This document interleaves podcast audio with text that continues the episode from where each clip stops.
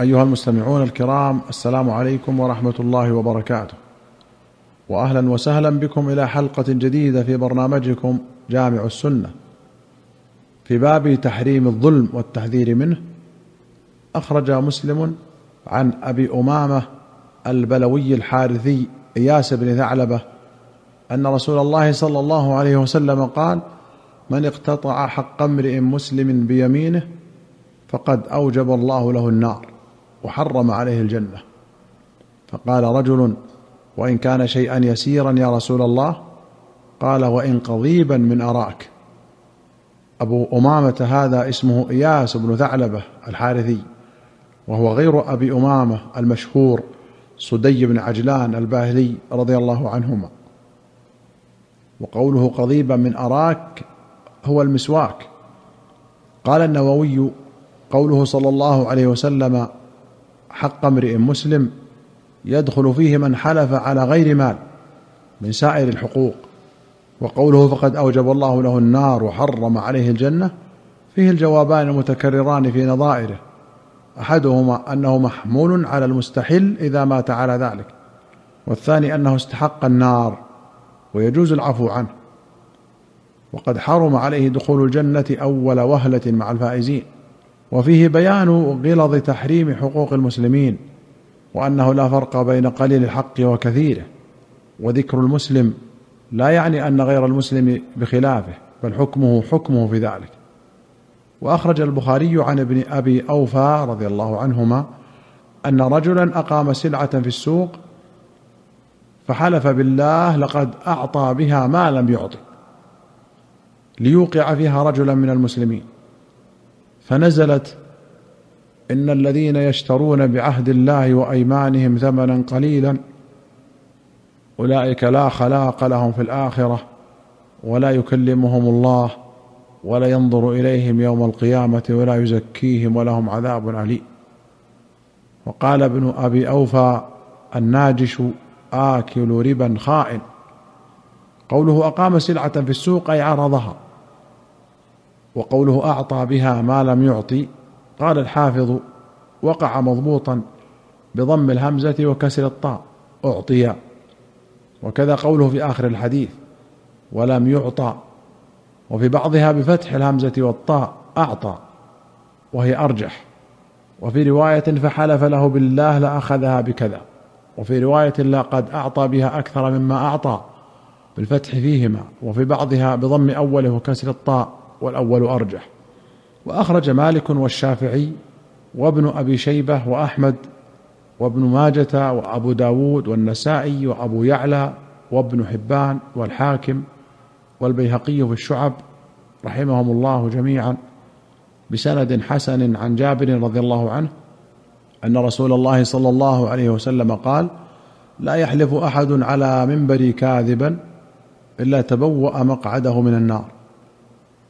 وفي رواية من حلف بيمين آثمة عند منبر هذا فليتبوأ مقعده من النار ولو على سواك أخضر. وفي أخرى ما من عبد أو أمة يحلف عند هذا المنبر على يمين آثمة ولو على سواك رطب إلا وجبت له النار. قال في المرقاه اليمين الآثمة موجبة للسخط حيث وقعت لكن في الموضع الشريف أكثر اثما. وفيه أن الأيمان إنما تصير مغلظة بحسب المكان والزمان لا بحسب المحلوف عليه وإن كان عظيما. وأخرج مسلم عن أبي هريرة رضي الله عنه أن رسول الله صلى الله عليه وسلم قال اليمين على نية المستحلف. وفي رواية يمينك على ما يصدقك عليه صاحبك. وفي أخرى على ما يصدقك به صاحبك. قال النووي هذا الحديث محمول على استحلاف القاضي وهذا مجمع عليه ودليله هذا الحديث والإجماع. فأما إذا حلف بغير استحلاف القاضي وورى فتنفعه التورية ولا يحنث ولا اعتبار بنية المستحلف فاليمين على نية الحالف في كل الأحوال. إلا إذا استحلفه القاضي في دعوى توجهت عليه فتكون على نية المستحلف. قال واعلم أن التورية وإن كان لا يحنث بها فلا يجوز فعلها حيث يبطل بها حق مستحق وهذا مجمع عليه. وأخرج البخاري عن عائشة رضي الله عنها قالت أنزلت هذه الآية لا يؤاخذكم الله باللغو في أيمانكم في قول الرجل لا والله وبلى والله. وأخرج البخاري عن ابن عمر قال أكثر ما كان النبي صلى الله عليه وسلم يحلف لا ومقلب القلوب. وفي رواية كثيرا مما كان النبي صلى الله عليه وسلم يحلف لا ومقلب القلوب. وأخرج مسلم عن أبي هريرة أن رسول الله صلى الله عليه وسلم قال من حلف على يمين فرأى غيرها خيرا منها فليكفر عن يمينه وليفعل الذي هو خير. وفي رواية أعتم رجل عند النبي صلى الله عليه وسلم ثم رجع إلى أهله فوجد الصبية قد ناموا فأتاه أهله بطعامه فحلف لا يأكل من أجل صبيته ثم بدا له فأكل. فأتى رسول الله صلى الله عليه وسلم فذكر ذلك له. فقال صلى الله عليه وسلم من حلف على يمين فرأى غيرها خيرا منها فليأتها وليكفر عن يمينه.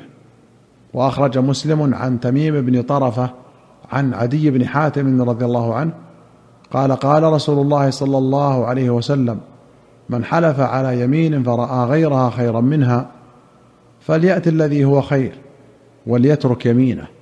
وفي رواية جاء سائل إلى عدي بن حاتم فسأله نفقة في ثمن خادم أو في بعض ثمن خادم فقال ليس عندي ما أعطيك إلا درعي ومغفري فأكتب إلى أهلي أن يعطوكها فلم يرضى فغضب عدي فقال أما والله لا أعطيك شيئا ثم إن الرجل رضي. فقال أما والله لولا أني سمعت رسول الله صلى الله عليه وسلم يقول من حلف على يمين ثم رأى أتقى لله منها فليأت التقوى. ما حنثت يميني. الدرع هو القميص. وتدرع بالشيء أي لبسه.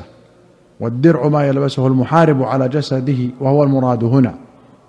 والمغفر ما يلبسه على رأسه يستره به. ومنه المغفرة وهي ستر الذنوب. وقوله ما حنثت يميني أي ما جعلتها ذات حنث بل بررت بها وأنفذتها.